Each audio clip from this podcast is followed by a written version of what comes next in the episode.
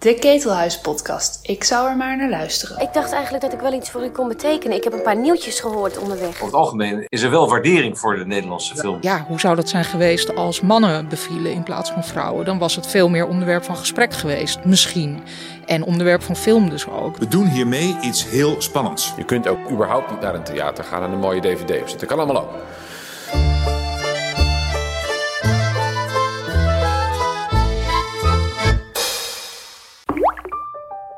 Welkom bij de 32e editie van de Ketelhuis podcast. Op zijn filmzolder ontvangt Hans Berenkamp dit keer Basje Boer. De speelfilm Pieces of a Woman, te zien op Netflix, was voor hen de directe aanleiding om het eens te hebben over bevallingen in film.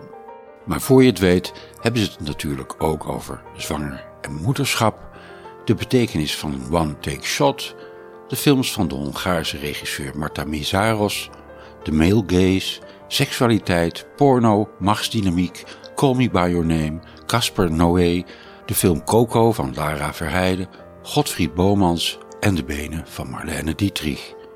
Luister naar Boer en Berenkamp op zolder. Ja, we zijn weer op de filmzolder. Dit keer met uh, Basje Boer. Die is langsgekomen om mijn archief uh, te benutten. En te bewonderen. Ja, nou ja. Het is wel een goede plek voor het geluid. En het is een goede plek om in ons hoofd en in ons interne archief en externe archief dingen op te zoeken naar aanleiding van een onderwerp. Het is ook een beetje een ivoren toren. Ja, het is een soort. Uh, ja, klopt. Ja, je verschanst je hier in de filmgeschiedenis. Ja, achter de kennis. Ja. Maar goed, jij, jij schrijft op een hele andere manier dan ik. En dat vind ik juist zo leuk. Mm -hmm. uh, ik merk dat jij eigenlijk altijd over film schrijft vanuit de lichamelijke kant. De waarneming, de sensorische kant. Of de, en uh, dat is natuurlijk een heel belangrijk uh, uh, onderdeel van film, omdat er zo vaak vanuit scenario's en dramatische structuren wordt gedacht, terwijl film juist tastbaar en ja. zinnelijk is. Mm -hmm. Dus ik dacht, nou moeten we daar eerst maar eens over gaan hebben. En je had het laatst over bevallingen in films. Ja, op Twitter. Ja. Mm -hmm. wat, wat, wat, wat, had je daar voor idee over? Ja, ik denk dat het gewoon een gedachtenflart was of zo. Uh, het is niet een onderwerp waar ik heel erg diep in zit. Ik heb zelf nooit uh, een bevalling uh, nog zelf meegemaakt, nog van iemand anders waar ik bij aanwezig was. Maar het is natuurlijk wel een heel feministisch onderwerp. dat trekt me erin aan. Het is ook een onderwerp dat toch nog een beetje gemeden wordt. ook door mijzelf, denk ik. Um, het voelt als iets van, ja, waar ik dan niet zoveel mee te maken heb. Van, oh ja, dat is uh, iets voor achter gesloten deuren. Terwijl, ja, hoe zou dat zijn geweest als mannen bevielen in plaats van vrouwen? Dan was het veel meer onderwerp van gesprek geweest, misschien. En onderwerp van film dus ook. Dus dat maakt het een uh, feministisch onderwerp en interessant. En juist omdat ik het ook een beetje een lastig onderwerp, uh, omdat, ik, ja, omdat ik het lastig vind maakt het ook dat ik denk, ja, wat is dat dan dat ik dat vind? Dus ik wil, het is ook een soort onderzoek naar mezelf. Van waarom vind ik het ingewikkeld? En uh, hebben andere mensen dat ook? En wat zegt dat over uh, ja, de samenleving? Om het maar meteen heel groot te maken. De aanleiding dat je erover begon was een film die nu op Netflix staat. En die ja. ook Oscar-nominaties had gekregen. Mm -hmm. Geen prijzen. Pieces of a Woman. Ja. En dat begint eigenlijk eerst de hele 20 minuten of zo. Mm -hmm. Is een zeer uitgebreide bevalling. Ja, je hebt eerst je hebt een paar korte scènes en dan ga je meteen hoppa een uh, 20 minuten durende one-take bevalling in. Um, het is meteen ook het beste aan de hele film eigenlijk. De film is aardig en uh, wel een aanrader, maar uh, het is vooral die scène die heel bijzonder is. Ook omdat je dat dus volgens mij niet zo vaak ziet in films. En het is ook gewoon, ja, het is gewoon heel goed gedaan. Ook uh, je hebt één take, dat vind ik lastig vaak, omdat je, ja, montage is heel belangrijk in film. Dus uh, ik hou nooit zo van, van de one take. Uh, maar hier wordt het heel goed gedaan, omdat hij dan laat hij wat muziek aanzwellen en dan trekt het weer weg. Dus je, het wordt wel opgebroken op een andere manier. Dus dat, er zit een soort technisch vernuft en een, een vertelvernuft in die scène. dat het heel interessant maakt. En daarnaast zit je gewoon te kijken naar hele heftige uh, lichamelijke gebeurtenis. En ook sociaal wel. Want je ziet uh, uh, een vrouw en haar vriend. Dus je ziet hun relatie heel erg onder spanning staan op dat moment. Maar ook de, de liefde tussen hun. En de vroedvrouw. Dus daar is ook nog, weet je, dat is echt een, een um, ja, drie mensen die met iets heel heftigs bezig zijn. En dat komt heel goed uit de verf. En het eindigt heel dramatisch, want het uh, kindje wordt wel geboren. Spoiler, spoiler.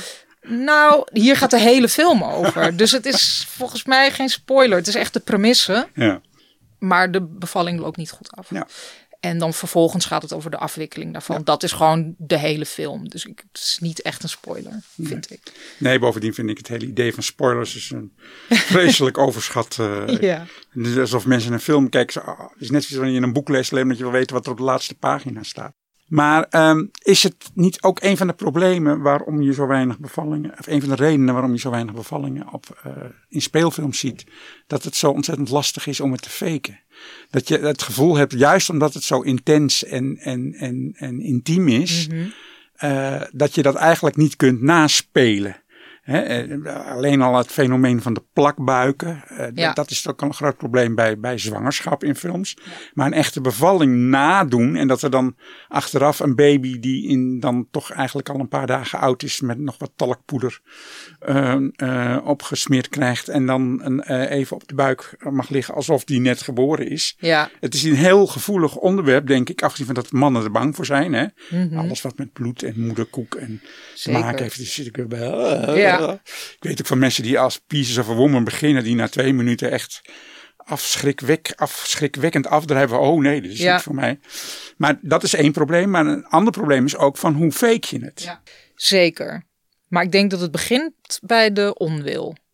Ja, ik vraag me af, een vrouw die zelf een bevalling heeft meegemaakt, ik, ik- dat zal zo'n waas zijn. Ik denk dat zelfs die het moeilijk zou vinden om het vervolgens te acteren. Alleen al dat, weet je, om het te reconstrueren. Mhm. Maar dat vind ik dus ook moeilijk om te zeggen, omdat ik het zelf niet heb meegemaakt. Maar uiteindelijk denk ik dat het vooral te maken heeft met dat we het moeilijk vinden om er naar te kijken. Dus dat Ja, het het- ligt er ook aan hoe je het in beeld brengt. Hè? Laat je ook echt eh, het moment van het naar buiten komen van het hoofd zien. ja, Of film je daar toch weer een beetje omheen? ja, En zeker in een speelfilm waarin het niet echt is, is dat natuurlijk ongelooflijk lastig. Moet je daar ook een beetje omheen filmen. ja. Dan heb je nog de vraag van, is dat wel, wel eh, kies om eh, eh, l'origine du monde Mhm. uit te beelden? Ja. Nou ja, en het haalt je als kijker ook toch wel uit de film. Want je, je, je hebt die vragen van is het echt of niet? En waar, waar zit ik naar te kijken? En je bent bij het personage, maar ineens zie je zoiets, ehm, nou ja, wat je in het Engels graphic noemt. Dat, dat choqueert ook. Of, ehm, of je, het, het stelt vragen over, oh, hoe gaat het als ik straks beval? Of ehm, ik ben ook zo geboren. Weet je, de- en dat is natuurlijk interessant. Dat geeft een gelaagdheid aan de ervaring, maar het haalt je ook een beetje uit het verhaal. Maar is dat niet, geldt dat niet voor alles wat je aan intimiteit op film ziet? Dat je dat op jezelf Ja, kan gaan betrekken? ja, zeker. Maar ik denk op het moment dat het dus echt graphic, ik heb geen Nederlands woord ervoor, maar dat het echt heel ehm, intens wordt, dat het dan erger is. Dus als je, je hebt het met seksscènes ook, dat als je een soort van intimiteit ziet, dan kan je nog wel in het verhaal zitten. Maar als je ineens eh, echt heel veel bloot ziet of eh, heftige handelingen, dan word je toch een beetje eruit gehaald.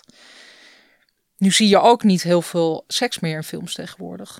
Dat klopt, dat is inderdaad ook minder geworden. Ja. ja, ja. En wel Ja. veel geweld, maar ook niet eh, van dat chockerende geweld wat je eruit haalt. Het is toch altijd een beetje smooth geweld of zo. Kijk, wat ik ingewikkeld vond aan, aan Pieces of a Woman is die one take. Ja, Dat wordt heel vaak gebruikt om juist de authenticiteit en de echtheid te suggereren. Van hier is niks getrukt. Ja. Hè? Kijk mama, zonder handen. Ik heb dit helemaal aan één eh, stuk gefilmd. ja, Hè? En, en, en ook bijvoorbeeld zo'n een, een rope van Hitchcock. Dat je Mhm. dan, ja, dan is gewoon op een gegeven moment was de, was de film op. En dan moest hij even naar een muur om een, een zogenaamd onzichtbare sniet eh, eh, te maken. ja, want Hitchcock heeft Rope gemaakt. Ik weet niet het jaartal uit mijn hoofd. 48 en denk hij, ik. hij doet alsof het een hele take is. Speelt zich helemaal af in een appartement. En ehm, eigenlijk heeft het totaal geen nut. Dat het, Nee. het, het, hij wilde het gewoon uitproberen, denk ik. En hij, ja, hij fake dan dat het één take is. Dus het is niet, dat kon destijds nog niet. Maar hoe, hoe, hoe, wat is volgens jou de functie hier om het in one take te doen? Wordt het daardoor authentieker of alleen maar schijnauthentieker? Of, Ehm, volgens mij draagt het bij aan de intensiteit. En nou ja, omdat je niet zo vaak bevallingen ziet op film, snap ik wel dat je ervoor kiest om er dan helemaal. En het is zo belangrijk in de rest van het scenario, dus in wat er allemaal daarna komt, dat je denkt, nou, dan geven we er extra gewicht aan. En ook, ja, als je, hoe had hij het anders moeten doen? Eh, dan heb je dat begint, weeën beginnen. En dan heb je het volgende moment dat ze, nou, volgens mij gaat ze op een gegeven moment in bad. Of je hebt allemaal dat soort kleine scènetjes binnen die ene scène. Ehm, en als je daarin knipt, dan ga je misschien toch minder mee met wat dat, met dat personage. Of met die, met die drie personages. Het voelde voor mij wel heel functioneel. Dat je echt die hele, ja, hoe noem je dat? Die intensiteit helemaal be- meebeleeft. dicht op de huid. Ja, en zoals ik zei, normaal heb ik er niks mee. Het is vaak een beetje spierballenvertoon. Eh en hier klopt het voor mijn gevoel. We zitten hier nu, nu in een archief. Ik heb een beetje eh, gekeken in eh, mijn hoofdarchief en ook in mijn echte archief. Ja. Hoe dat nou zit met bevallingen in films. En het grappige is dat ik in de jaren zeventig twee eh, extreme voorbeelden kwam van een bevalling die geïntegreerd is in de handeling van een speelfilm. Ja. Ehm, allebei eh, de keren aan helemaal aan het eind. Mhm. Terwijl in Pieces of Woman je ermee begint. Ja. Dat is ook al heel grappig. Ja. En eh, in allebei de gevallen is het niet gefaked, maar is het dus een actrice die eh, al zwanger was. Ja. En in de film dus gewoon haar rol speelde. En dan op een gegeven moment is de bevalling ook echt documentair eh, gefilmd. En ook echt compleet gedetailleerd in close-up. De ene is eh, een film van feministische filmmaakster Marta Messaros uit Hongarije. Die film heet ook Negen Maanden. ja, Een, een Kilen Schonap in het Ja. Hongaars. die heb ik gezien. En je hebt hem gezien, ja. Ja. Nou, dat, op zich gaat die film niet echt over die zwangerschap. Maar dat aan het einde de actrice, wat ook echt een bekende actrice was, haar echte bevalling laat filmen, was een sensatie toen. Ja. Lili Monori. Wat, Ja. wat, vond, wat vond je daarvan, hoe dat daar was gedaan? Ja, dat is dus juist heel erg geëdit. Dus het is eh, Ja. een bevalling in, in stukken gesneden. eh, wat heel, ja, dat voelt heel artsy of zo. Het was heel mooi. En het, daardoor is het ook wat minder heftig ineens. Want je zit dus al die hele film te kijken. Het is al best wel een heftige film. Het is een hele, ja, een, rela- een relatie waarin de man heel dominant en dwingend is. Dus ik vond het ook een beetje raadselachtig waarom het dan eindigt met die bevalling. Ja, Ehm, klopt. Is dat dan haar vrijheid? Of is het nog, wordt ze nu, nu zit ze nog meer aan die man vast? Eh, ik, ik was zoekende naar wat ze nou precies ermee bedoelde. Maar ik vond de bevalling zelf wel heel mooi gefilmd. Wel heel ehm, indrukwekkend en intens, maar niet op een chockerende manier. Zoals bij Pieces of a Woman. Of, ja, op een andere manier intens. Maar door, echt door dat snijden volgens mij ook. En ze is heel lang een soort van aan het zuchten en kreunen, maar niet eh, op een paniekerige manier. Dus het wordt bijna een soort meditatief. Maar ja, het is wel echt met bloed. En eh, nou ja, zo'n kind ziet er ook altijd heel heftig uit. Mhm, Ik bedoel, zeker. het was eh, heel plastisch. Dat is het woord voor graphic. Plastisch, dat is het ja. ja. En kijk, er staan nu heel veel van die eh, feministische films van Marta Messaros uit de jaren 70, 80 op Mubi. Mhm. Eh, zeer aanbevolen wat mij betreft. Ik vind het eigenlijk altijd wel interessant wat ze doet. En je Ja. ziet steeds dat ze die, wat wij dan nu toxic masculinity noemen. Dat Ja. heette toen nog niet zo. Toen waren het gewoon rotzakken. Eh, die haar niet met rust laten. En die voortdurend ook haar, haar, in- haar privacy en intimiteit bedreigen. Hè? Dat is een, wel een soort thema wat. eh, Mhm. Oh ja. en, en ik heb het gevoel dat zij dus als tegendaad de bevalling stelt. Zo van dat Mhm. Ja. is van mij. En daar kan jij niks aan of afdoen. Als Ja. een soort. Wat je in de jaren zeventig wel vaker zag, dat een bevalling was een soort ultieme overwinning van de vrouw. Van eh, zie je nou wel dat je zonder mij helemaal niks kunt beginnen. Ja.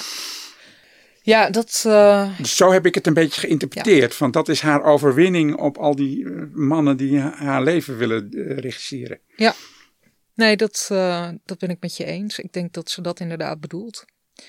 Maar het is heel subtiel gedaan. Mhm. En Ja, en het is, die film is heel. Het is echt zo realisme waar je naar zit te kijken. Het is heel droog allemaal in beeld gebracht. En dan heb je die bevalling die dan ineens waar ze ehm, filmtrucjes uit gaat halen. Of trucjes is niet het goede woord, maar dat ze ineens laat zien van oh, dit kan ik ook. En hier ben ik eh, meer. De, de filmmaker is meer aanwezig in die bevalling. Kijk, de, de, de, deze film is uit 1976. Een jaar eerder, in 75, was er al een Amerikaanse film waarin ook een bevalling ehm, eh, zeer eh, authentiek en origineel werd in beeld gebracht. Dat was Milestones van Robert Kramer. Oké, nooit van gehoord. Een film van drie uur en twintig minuten over een soort van hippie community.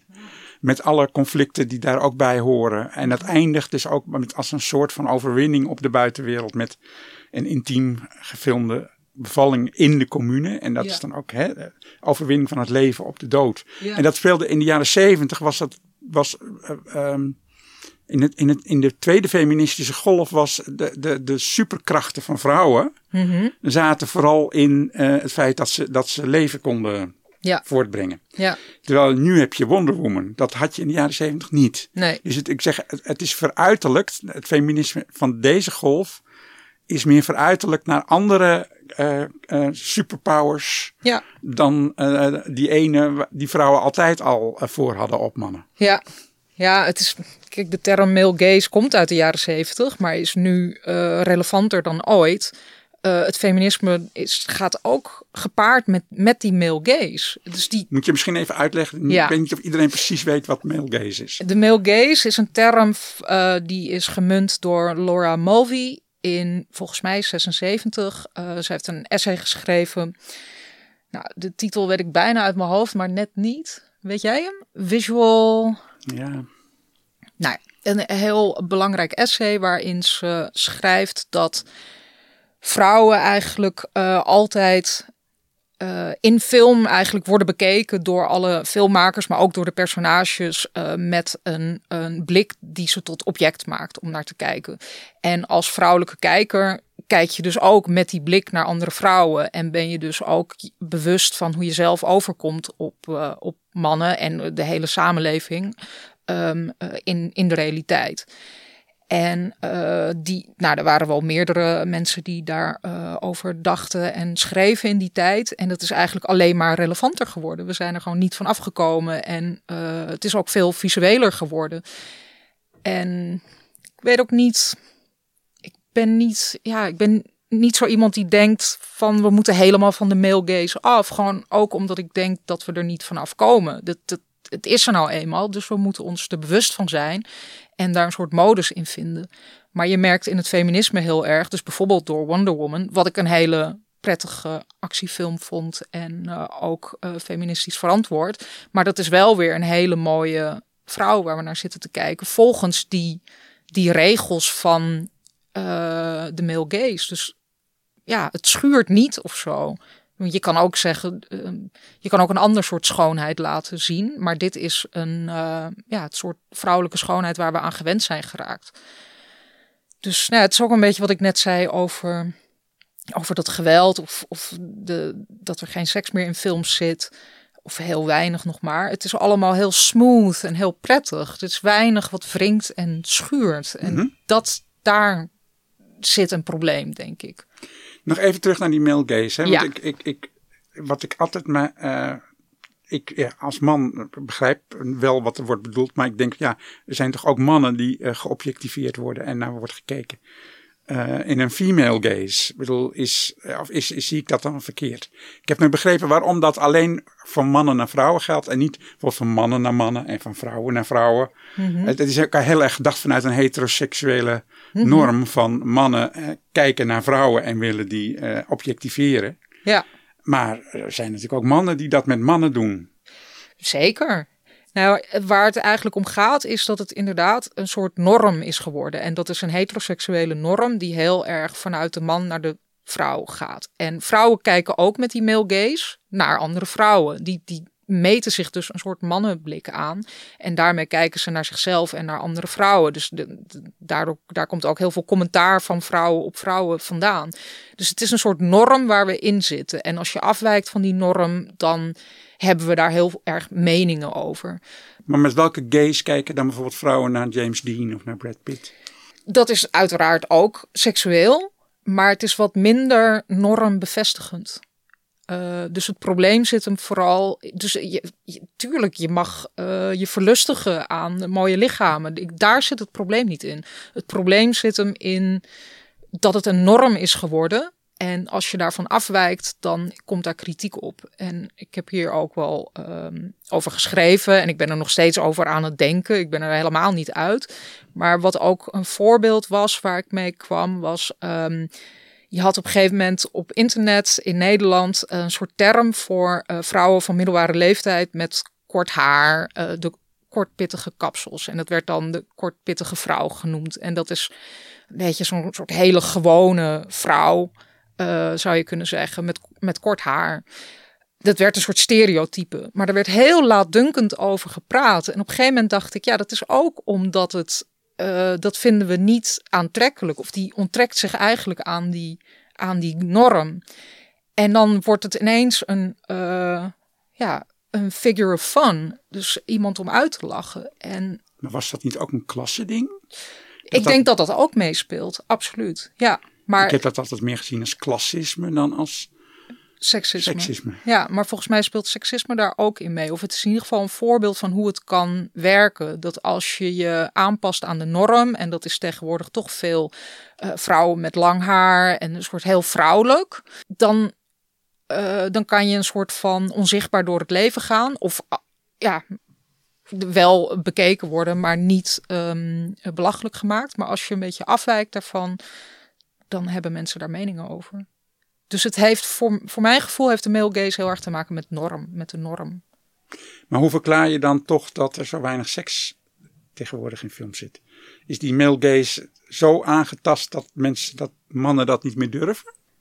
Ja, volgens mij gaat de male gaze dus eigenlijk ook niet heel erg over seks. Volgens mij gaat het over, ehm, over macht. Over macht. En, eh, Dat snap ik. Ja, Waar ik nu heel erg aan moet denken is de trophy wife. Dat is natuurlijk bij uitstek een voorbeeld van de male gaze.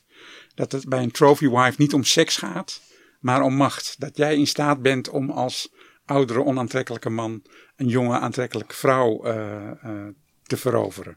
Ja, maar het werkt dus twee kanten op. En dat is ook wat ik bedoel met die norm. Dat ehm, voor die vrouw kan het ook heel prettig zijn om in die norm te passen. Dus die vrouw kan ook heel graag zelf een trophy wife willen zijn. En dat, ja, dat, daar moeten we ook geen problemen mee hebben.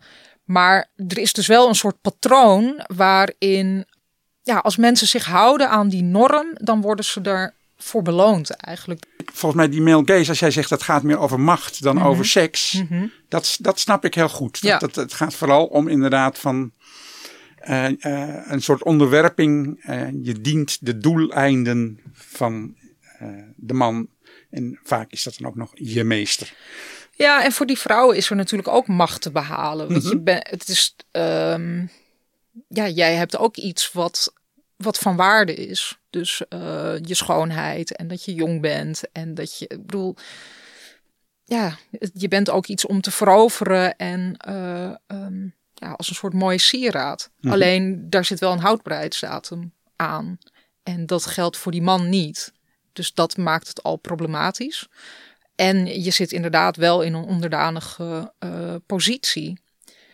Maar ja, ik vind het ook ingewikkeld om te zeggen van die vrouw mag dat niet willen. Of, ehm, maar het houdt wel een patroon in stand, wat denk ik wel kwalijk is. En het is ook heel veel interessanter om te proberen buiten dat patroon te denken. Mhm. Ik probeer Maar- mezelf daar altijd wel in te oefenen om eh, te kijken wat voor patronen ik zelf, ehm, ja, waar ik me aan vasthoud en of ik daar ook buiten kan. Laten we even kijken of we het terug kunnen vertalen naar wat er nu in film aan de hand is. Ik ben het met je eens als je zegt dat de seksscènes schaarser en minder plastisch zijn dan ze eh, vroeger waren. Aan de andere kant zie je wel dat, nou we zeggen, de sensorische kant van seksualiteit eh, misschien soms sterker naar voren komt in sommige films. Hè? Ja? Maar wat is, wat is jouw indruk daarover? Is, is alles wat lichamelijk is nu taboe verklaard uit angst voor MeToo? Is dan een Nee. soort. eh, of wat, wat, wat is het volgens jou, die preutsheid? Ehm, En waar uit die zich in? En wat zien we nog wel en wat zien we niet meer? kijken, ja, preutsheid. Ik weet ook niet of dat. Ik denk dat er heel veel eh, schaamte is onder mensen, juist omdat er heel veel mogelijk is en ehm, omdat nou, bijvoorbeeld porno eh, breed beschikbaar is voor als je daar interesse in hebt. En daar komt ook een soort, aan de ene kant een soort bravoure. Mensen spreken er ook veel openlijker over, volgens mij, dan vroeger. Van dat ze dat kijken of interessant vinden. Ehm, maar de keerzijde daarvan is toch ook een soort schaamte. En ehm, juist als je zo openlijk over privézaken spreekt, ehm, ik denk dat dat een soort rare iets dubbels doet in je hoofd. Dat je dus aan de ene kant denk je, nou, we mogen er allemaal eh, over spreken, dus dat doe ik ook. Of ik doe mee met de rest en ik ga ook stoer erover praten.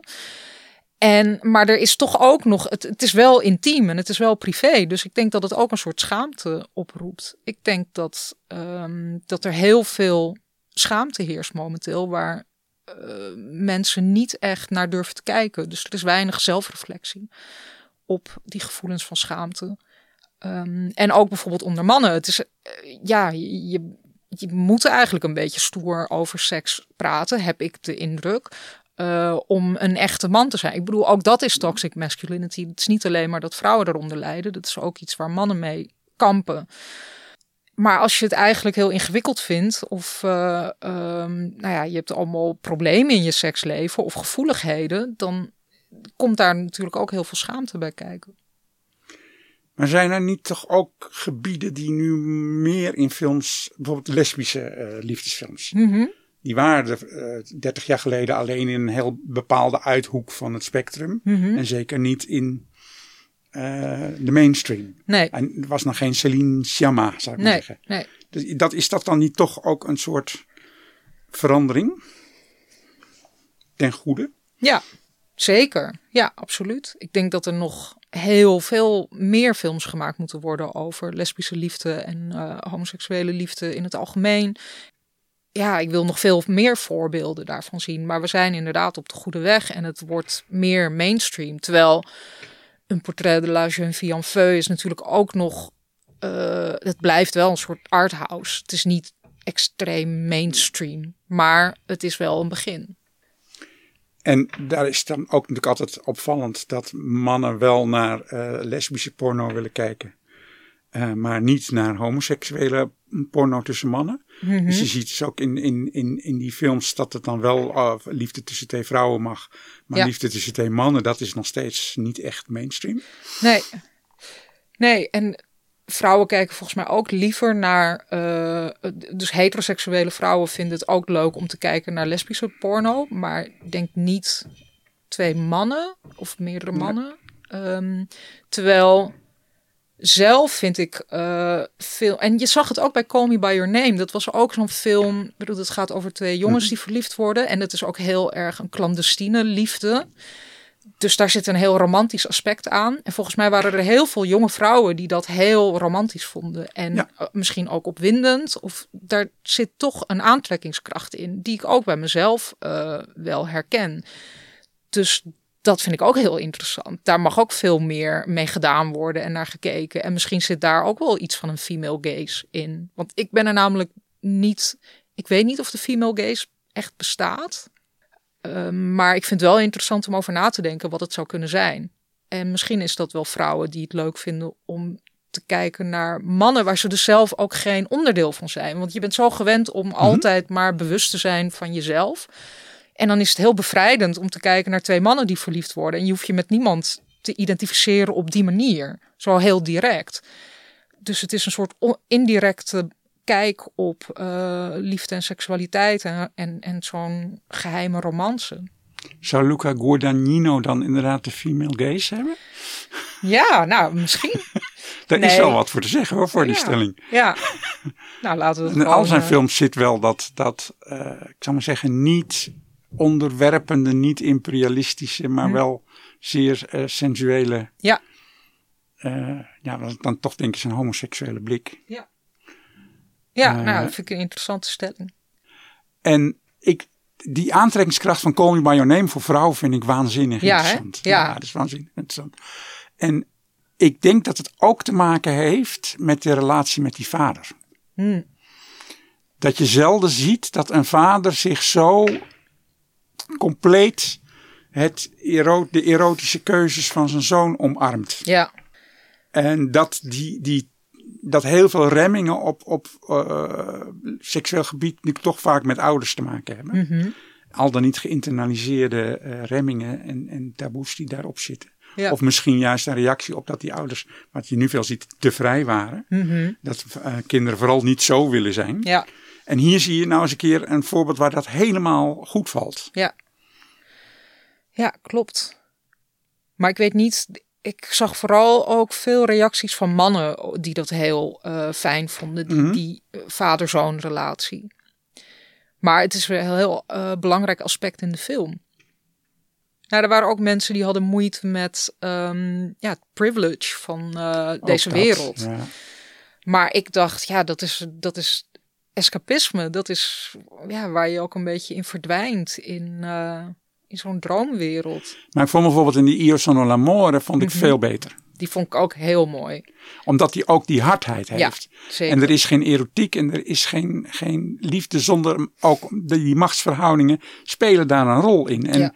als je die helemaal wegpoetst alsof ze niet bestaan, ja, dan kan je wel blijven knuffelen. Mhm. Maar dan, dan gebeurt er toch niks. Nee, maar het is wel, die twee films maken wel, zijn wel onderdeel van een heel interessant oeuvre. Waar Mhm. eh, het soms weer de ene kant op gaat en dan weer de andere kant. En soms blijft het een beetje op afstand, zoals A Bigger Splash. zoals- Die heb ik nog niet gezien. Oh ja, nou dat is, hield me heel erg op afstand. En ik dacht ook toen ik eruit kwam van, nou, ik weet het niet of dit goed is. En het bleef me toch bij. Ik dacht, nou, toch wel interessant. Maar ja, het, het bleef een beetje glad of zo. Je kwam er niet helemaal bij.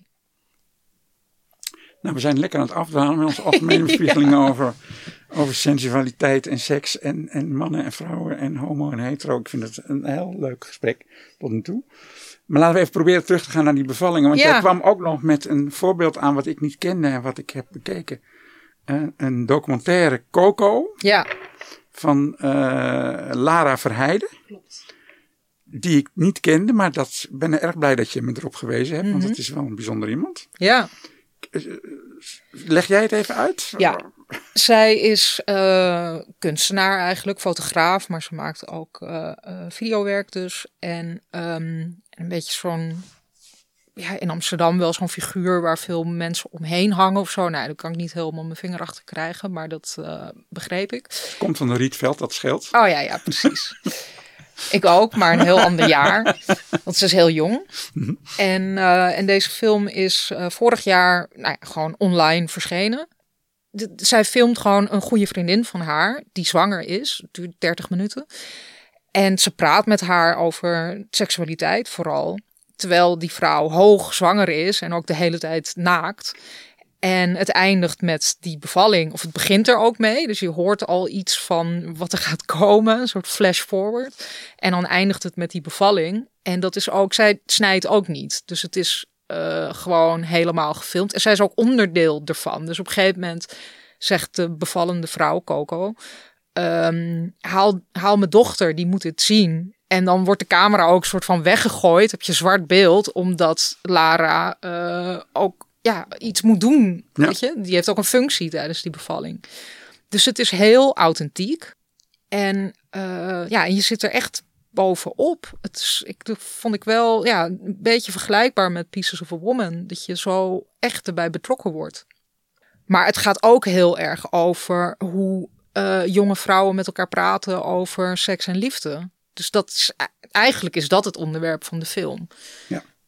En dat zij dus ook de, de, de, de mythes rond het moederschap behoorlijk eh, eh, eh, ontheiligt. Ja. Door te zeggen dat het helemaal niet zo leuk is om, moeder te worden en Ja. misschien ook te zijn. En dat je dan toch wel jezelf erg bindt. En dat dat misschien niet, niet zoveel te maken heeft met die roze wolk die daar altijd van wordt verwacht. Ja. En dat, dat begreep ik was vooral ook wat veel mensen schokte. Oh ja? Ja, Gek dat dat nog steeds eh, kan schokken. Terwijl we weten het toch wel. En je kan je er ook wel iets bij voorstellen. Maar het moet toch heilig zijn dan, dat moederschap. Nou, kijk, er is, heel veel te zeggen over die film van Coco. Ehm, ik had eh, mijn hoofd. Laat ik beginnen met wat mijn hoofdprobleem was. Is dat ik ehm, die Coco niet zo leuk vond. Nee, ik ook niet. Ik ook niet. Het is geen lovable character. Integendeel, het is een ontzettende harde, eh, een beetje egocentrische vrouw. Maar dat tegelijkertijd maakt dat natuurlijk voor een film heel interessant. Ja, Want dat soort personages zie je eigenlijk nooit in een speelfilm of in een documentaire. Mensen moeten toch altijd een beetje, en dan kom je misschien weer op die male gaze terecht. Zeker vrouwen moeten toch een beetje, nou als ze dan niet al heel aantrekkelijk zijn, moeten ze dan toch in ieder geval aardig zijn. Of, Ja. of, of warm of charmant. Of, en dat is deze vrouw allemaal niet. nee. En dat vond ik dus heel interessant. Mhm. In combinatie met het feit dat ik ben even gaan kijken wie is nou die Lara Verheijden. En kwam ik een andere film van haar tegen over haar vakantie in Jamaica. Oké. Eh, waar ze zichzelf voortdurend met allerlei zeer potente zwarte meneren ehm, in, in, in uitdagende poses filmt. Mhm. En ze heeft, eh, ja, ze heeft een hazenlip.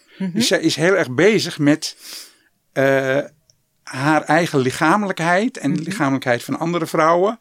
En de vooroordelen die daarover bestaan en eh, hoe je dat kan inverteren. Ja. En ja, ze is, het, het is, het is echt kunst. Het is een, een, een, een, een manier om mensen op een andere manier naar de wereld te laten kijken. En dat, dat is niet altijd even gemakkelijk. Nee. Nee, die insteek heeft ze heel erg. Ik vraag me wel af of dat er altijd ook helemaal lukt, moet ik zeggen.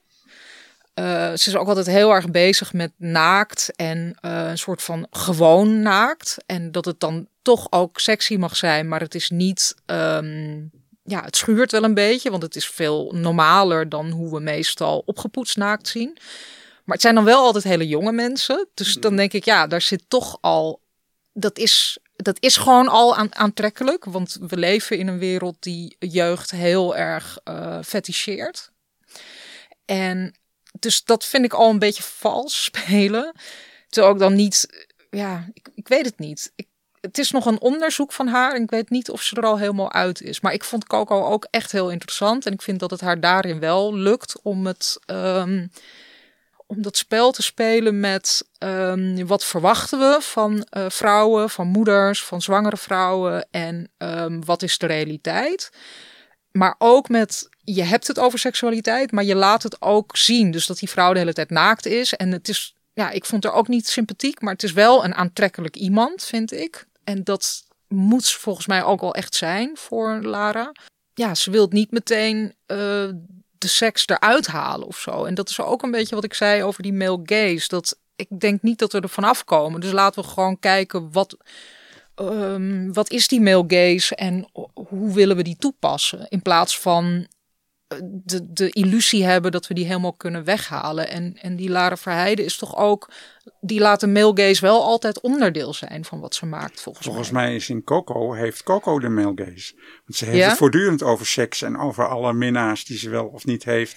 En dat is zo iemand die het er voortdurend over heeft, weet je wel? Ja, maar dat gaat ook over haar autonomie en haar... Ja, tuurlijk. Ja, Ja. ja. Maar zij, zij eigent zich dus die male gaze min of meer toe. Ook door haar ultieme troef, namelijk het een kind kunnen baren. Ja, Eh, te zeggen, ja, mo, liever niet. liever niet.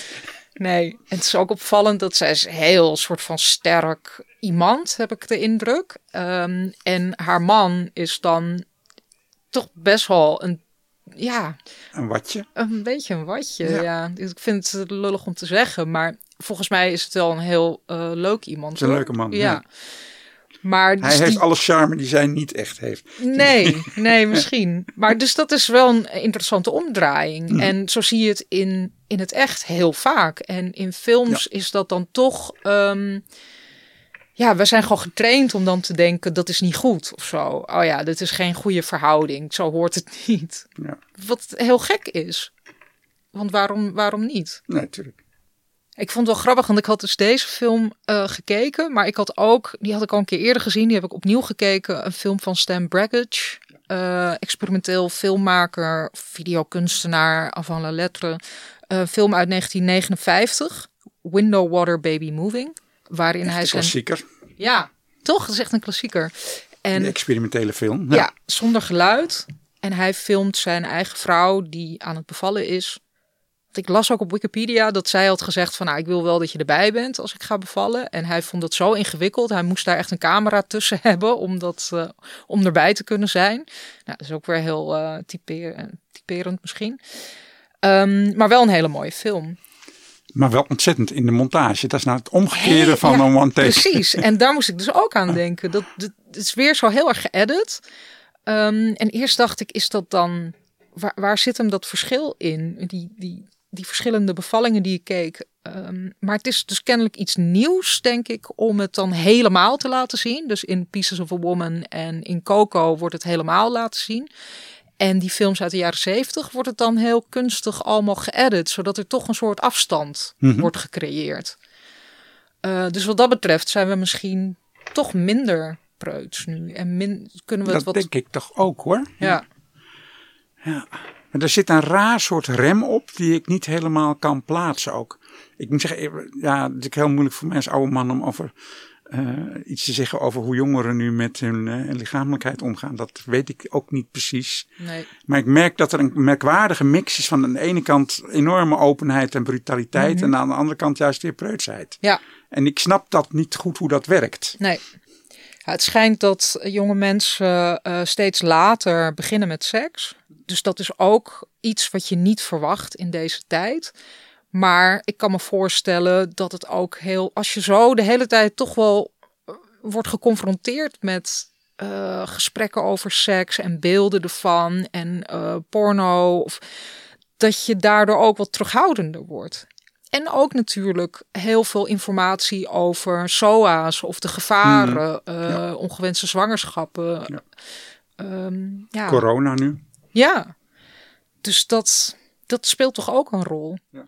Maar is dat erg? Want dat vind ik, eh, er wordt dan toch ook altijd een beetje gezegd van, eh, ja, jongeren moeten toch lekker dat gaan onderzoeken en het is goed als ze jong beginnen of zo. Terwijl misschien is het wel ook wel veiliger en beter en gezonder eh, op verschillende manieren om, eh, om even te wachten. Nou, daar heb ik niet echt een mening over. ik kijk vooral wat dat in de films betekent. Dat, Ja. dat, dat, dat je merkt dat, eh, ja, dat er een raar soort rem op zit. En tegelijkertijd ook soms een enorme ontremming. Mhm. Ik bedoel, films van Gaspar Noé bijvoorbeeld. Mhm. Eh, die ik eigenlijk wel heel erg bijzonder en lekker vind hoor. Ja. Omdat ze zo gemeen zijn ook vaak. Ja. En zo. on- Überhaupt in Franse films heb ik het gevoel dat op een veel onbekommerder manier over seks wordt gesproken. Ook omdat die machtsfactor daar toch vrij eh, open en bloot op tafel ligt. Ja. Die wordt niet ontkend. Zoals je in veel Amerikaanse films ziet, wordt net gedaan alsof dat allemaal niet speelt. Ja, En in Franse films zie je dat dat juist heel erg speelt. ja. Ehm, Ja, geen wonder dat Paul Verhoeven daar ja, nu zijn tuurlijk, eh, ja, thuis heeft gevonden. Ja, Ja, porno heeft ik voor op stuk gemaakt. Ja. Ik herinner me uit mijn jeugd dat er eh, enorm eh, gefantaseerd en gedicht en ge- toegespeeld kon worden over een been. Oh ja. Door mannen en Door dan mannen, een ja. vrouwenbeen? Vrouw- Ja, oké. Ik weet dat Marlene Dietrich die trad Mhm. op op het Gran Canaria Disc. En toen was Godfried Bomans, die was de presentator. En die zei, had mijn vrouw maar één zo'n been. Oh, dat is een mooi beeld. Eentje. ja. En maar het feit dat je bij Marlene Dietrich was Mhm. de eerste associatie haar benen. Ja, Dat was natuurlijk pre-porno. Ja. was wel porno, maar dat was nog totaal niet doorgedrongen tot het normale leven van de meeste mensen. ja. En, en dat heeft toch een ander soort eh, eh, ja, basisinstelling veroorzaakt. Ja, al denk ik wel dat ik nu vinden we het heel schattig en ontroerend dat zo'n been helemaal wordt eh, geromantiseerd. Aan de andere kant, dat is ook een manier om een vrouw tot object te maken. Tuurlijk, dat En- was ook. Ja, Zeker, en- absoluut. En ook, ja, juist Dietrich is zo'n soort sterk iemand. En dan ben jij degene die haar been gaat beschrijven. Dat is ook een manier van een vorm van onderdrukking. Ik, ik bedoel, ik gooi er nu hele grote termen tegenaan. Ik vind het nog steeds heel schattig en uh, aandoenlijk. Maar dit is ook een manier om er naar te kijken. Maar die grap van Bomans is wat dat betreft zeer onthullend. Het is eigenlijk een hele leuke uitspraak. Mm-hmm. Want in feite zegt hij dus niet alleen wat heeft Marlene Dietrich mooie benen. Maar hij wil dat zijn vrouw ja. daar een deel van krijgt. Zodat het dan ook van hem is. Ja. Hij wil het zich echt toe-eigenen. Ja. Dus daar zie je in dat die Mel Gaze gaat over macht. Ja. Want zijn, zijn vrouw is van hem. Mm-hmm. En als dan, die dan één zo'n been krijgt, nou ja, dan is dat ook van hem. het ding is, kijk, ja, uh, een, een, spel met macht, dat zal altijd blijven bestaan. Tuurlijk. En dat is interessant. En ik bedoel, dat is waar ik het liefst over schrijf. Over interessante uh, machtsdynamiek. Maar ten eerste wil je dat het dan twee kanten op gaat. Dus dat het niet één iemand is die de ander onderdrukt. Uh, nog los van dat het niet wenselijk is, is het gewoon een beetje saai. Ja. het is interessanter als het uh, strijd is. Ja, als er strijd is.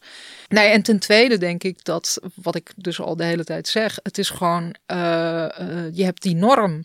En die is heel erg hetero ten eerste. En ten tweede heel erg, de man heeft macht en de vrouw heeft die niet. En nou ja, dan wordt het toch wel uh, wat ingewikkelder. En dan kom je uit op MeToo bijvoorbeeld. Of uh, nou ja, allemaal andere uh, toestanden waar je niet op zit te wachten.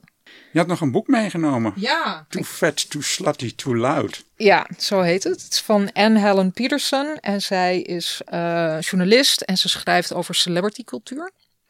En dus ook wel eens over film. Maar um, dat is eigenlijk onderdeel ervan. Dus het gaat ook heel erg over beeldvorming. Het is eigenlijk, we hebben het al heel erg erover gehad, over dat we het ingewikkeld vinden om uh, dat, dat we bevallingen ingewikkeld vinden en uh, schokkend en uh, er liever niet naar kijken.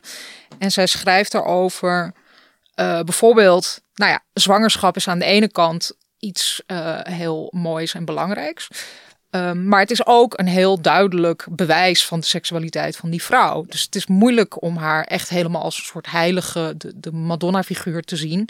Want ja, uh, ze heeft heel duidelijk uh, is te zien dat ze seks heeft gehad. En dat associëren we liever niet met die heilige. En dat die bevallingen zo pijnlijk zijn dat ze kijk nog straf voor de zondeval. Ja, ja dat is zo, zo kan je het ook zien. Um, nee, en zij schrijft dan. Um, dat de geboorte heel lang, uh, uh, helemaal, nou ja, en nog steeds eigenlijk achter gesloten deuren plaatsvindt. Mm-hmm. En met vroedvrouwen, dus het was echt iets van onder vrouwen. Um, in 19e eeuws Amerika, schrijft ze, werd er ook helemaal niet gesproken over zwangerschap. Gewoon ook niet uh, tussen vrouwen, of tenminste vrouwen van een bepaalde stand. Die konden mm-hmm. toch niet, dus een moeder en een dochter hadden het ook niet over die zwangerschap. En tot de jaren 50, schrijft zij, was pregnancy uh, een verboden woord in Amerikaanse films. Ja. Um, en dan heeft ze nog een voorbeeld dat in 1953 uh, was er een, een, zou er een film gemaakt worden. The Moon is Blue heette die. En daar kwam, het, ja. daar kwam het woord pregnancy in voor. En toen gaf de, de Motion Picture Association of America geen toestemming om die film te maken. Vanwege dat ene woord. En uh, je had, zij hadden ook dat lijstje van uh, 13 don'ts en 31 be carefuls. Dat zegt jou zeker ook wat. Ja, tussen de, de jaren, Hays Code. Ja, precies, ja. de Hays Code. Die tussen de jaren 20 en 60 gold. En ook daarin was opgenomen dat je geen geboorte mocht laten zien. Ook niet uh, in, in silhouet. Dus, mm -hmm. dus dat je het een soort van suggereerde meer. En nou ja, wat ik zei, ze is heel erg bezig met celebrity cultuur. En uh, zij schrijft ook dat tot de jaren 50 sterren eigenlijk niet uh, zwanger werden gefotografeerd. Dat was gewoon ja. not done. Dus uh, dat vond allemaal helemaal in het geheim plaats.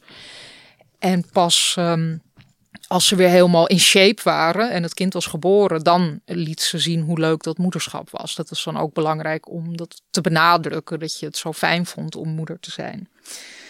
Ja, ik herinner me dat ook nog echt wel uit mijn jeugd. Dat mm -hmm. inderdaad, als zwangere vrouw kwam je eigenlijk zo min mogelijk de deur uit. Ja?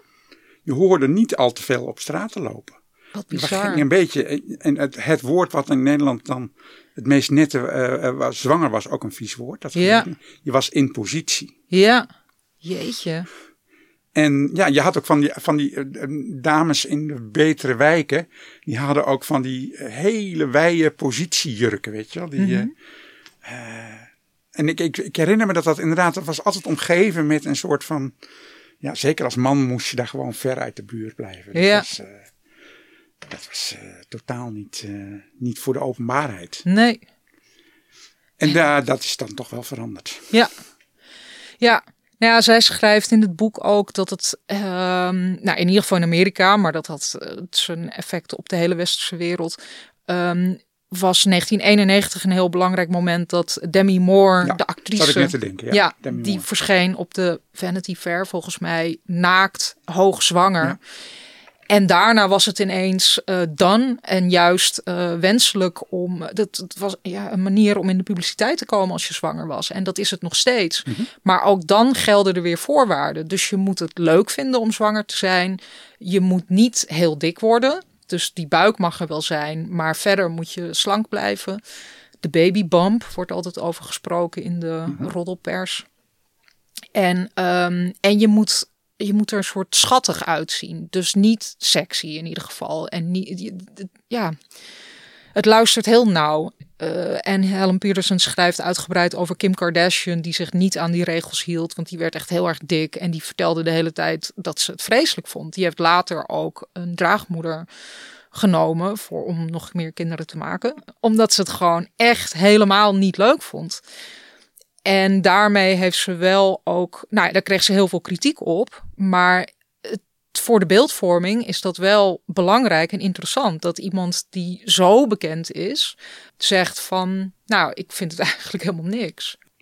Ik denk dat het nog steeds wel zo is, ook in Nederland bijvoorbeeld met celebrities, dat op televisie bijvoorbeeld zie je dus wel zwangere eh, schappen als het om onbekende Nederlanders gaat. Mhm. Je hebt dus die, die eh, eh, vier handen op één buik, van, dat dan een tienermoeder wordt begeleid door een eh, bekende Nederlandse. Oh ja? Die vertelt eh, eh, dat, dat je toch vooral moet stoppen met roken als je zwanger bent en dan dat soort handige tips. Ja, ja. Maar eigenlijk zie je dan steeds het verschil tussen die slonzigheid van zo'n tienermoeder die totaal niet weet hoe ze daarmee om moet gaan. Mhm. En dan zo'n zo'n Wendy van Dijk-achtige die dan natuurlijk precies weet hoe je dat allemaal moet doen. Ja, Maar ik denk dat, dat als de beroemdheden zelf zwanger zijn, dat je die dan toch nog steeds iets minder snel in beeld zal zien. Mhm. ja. Zoals denk ik bijvoorbeeld close-ups van geslachtsdelen zijn toegestaan als je het gezicht erbij niet kent. ja, Zie je ook bijvoorbeeld die rubriek Anybody in, Mhm. eh, in de Viva. ja, Dan mag je eigenlijk alles laten zien en over alle te gaan. Maar zodra het gekoppeld is aan een gezicht Ja. of aan een persoonlijkheid, Ja. dan is het slutty. ja. Dan, dan mag het niet. Ja, het moet dus echt object zijn. Een soort Het- ja, geobjectiveerd Het is zijn. geobjectiveerd zijn en ook gegeneraliseerd. Van dat is nu eenmaal wat zwangerschap is. Mhm. Maar niet gekoppeld aan een persoonlijke ontwikkeling van iemand. Dat vond ik dus ook zo interessant aan die film Coco. Mhm. Dat zij niet haar persoonlijkheid even opzij zet omdat ze zwanger is. Nee, zij blijft heel erg zichzelf met Mhm. Ja. haar, haar gretige eh, persoonlijkheid. Ja. En daar- daar blijf je niet omheen kunnen. Dus dat is, dan gaat eigenlijk tegen, recht tegen alle eh, do's en don'ts in. Ja. ja, het is ingewikkeld ook met zwangerschap. Het blijft voelen als niche. Eh, als een soort van, ja, niet al. eh, terwijl, ja, het is natuurlijk een heel belangrijk onderdeel van het leven. Het is het begin van het leven. En eh, een belangrijk onderdeel van de samenleving. En voor heel veel mensen is het gewoon iets waar ze nou ja, heel erg mee bezig zijn, negen maanden lang. En toch blijft het een soort nichig onderwerp. En dat is heel gek. En het is ook eh, onder feministen ook volgens mij een ingewikkeld. Ik, en misschien bedoel ik ook misschien eh, niet helemaal feministen, maar ehm, ja, hoogopgeleide vrouwen, eh, geëmancipeerd, intellectueel. Het is dan. Ik denk dat die het ook moeilijk vinden om bezig te zijn met zwangerschap en bevallen, omdat dat is dan te vrouwelijk. Of dan ben je te. En ook omdat het dus zo niche-achtig is op de een of andere manier. eh, dan ben je niet bezig zoals mannen met ehm, eh, de, de maatschappij, de De wereld. horizon verrecht De, ho- verleggen. ja, de horizon. Dan ben je bezig met het intieme en het huiselijke en dat achter gesloten deuren. En ja, dat is toch iets wat niet past bij zo'n soort vrouw. Maar ehm, dat onderwerp moet dus gewoon groter worden. En het onderwerp moet meer die horizon ook worden. Die, ja, het, het is ook meer dan alleen intiem. Het is iets heel groots. En ik denk dat dat het meer zou moeten worden. En ja, dus ook in films. Zou jij het ervoor over hebben om uh, zwanger te zijn? De bevalling? Ja. Uh, nou, pff, jeetje. Als ik een kinderwens had, dan zou ik dat er allemaal voor over hebben. Je hebt geen kinderwens. Nou, dat blijkt dat ik die toch niet echt heb. Maar dat is ook omdat de omstandigheden er nooit Mhm. echt naar waren. Dus dat hangt allemaal met elkaar samen. Maar er zijn vrouwen die hebben gewoon een kinderwens. Maakt niet uit wat voor omstandigheden. Mhm. En die willen dat gewoon. En ik ben niet zo'n vrouw. Heb jij wel eens een bevalling Ja, bijgewoond? Drie keer. Oké. En? Ja, het is heftig. Ja? Hoewel ik daar ook. de- de- de- kijk, er wordt dan vaak ook heel zweverig over gedaan. Hè? Hmm. Van dat je je leven verandert en je bent nooit meer degene die je daarvoor was. Ja, je, je realiseert je dat je vanaf dat moment verantwoordelijkheid hebt die je nooit meer kwijtraakt. Mhm. Tot ver in de volwassenheid, zou ik maar zeggen. Maar het is ook gewoon een, eh, een, een, een, een, eh, een medische operatie, zou ik maar zeggen. Ja. Daar ben je ook wel erg veel mee bezig. Ik bedoel, dat, dat, dat is toch waar je het eerste. Ik heb daar dat, dat hele metafysische heb ik nooit zo beleefd. Maar Nee. wel uh, de, de, de bloody mess. Ja. Ik heb trouwens wel de, de bevalling van een vriendin van mij. Die werd heel jong zwanger toen ze twintig was. En, uh, en die heeft haar bevalling laten filmen. En die moesten alle vriendinnen met haar kijken. Dat we allemaal dachten, ik weet niet of we dit willen, maar oké, okay, vooruit. En dat was inderdaad ook met een soort lompheid allemaal. En, maar ja, daar zit ook een soort schoonheid in. En er zijn veel moeders en dochters die het ook nooit over uh, de bevalling hebben. Hè? Mm-hmm. Het schijnt een soort taboe. Om ja. te... Ik heb ook wel eens de stelling gehoord dat als moeders aan hun dochters zouden vertellen hoe pijnlijk een bevalling is, mm-hmm. dan zou uh, het menselijke soort uitsterven. Ja. Ja, dus dat aspect zit er inderdaad ook aan. Ja. Laten we het vooral niet tonen in films, ja. want dan wil niemand meer. Ja, wil niemand meer. Tot zover deze Ketelhuis podcast. Je vindt de Ketelhuis podcast in je favoriete podcast app en natuurlijk op onze website ketelhuis.nl slash podcast. Abonneer je vooral zodat je geen enkele aflevering mist en leuk als je een reactie achterlaat. Hou ons in de gaten, we zijn snel weer terug met een nieuwe podcast.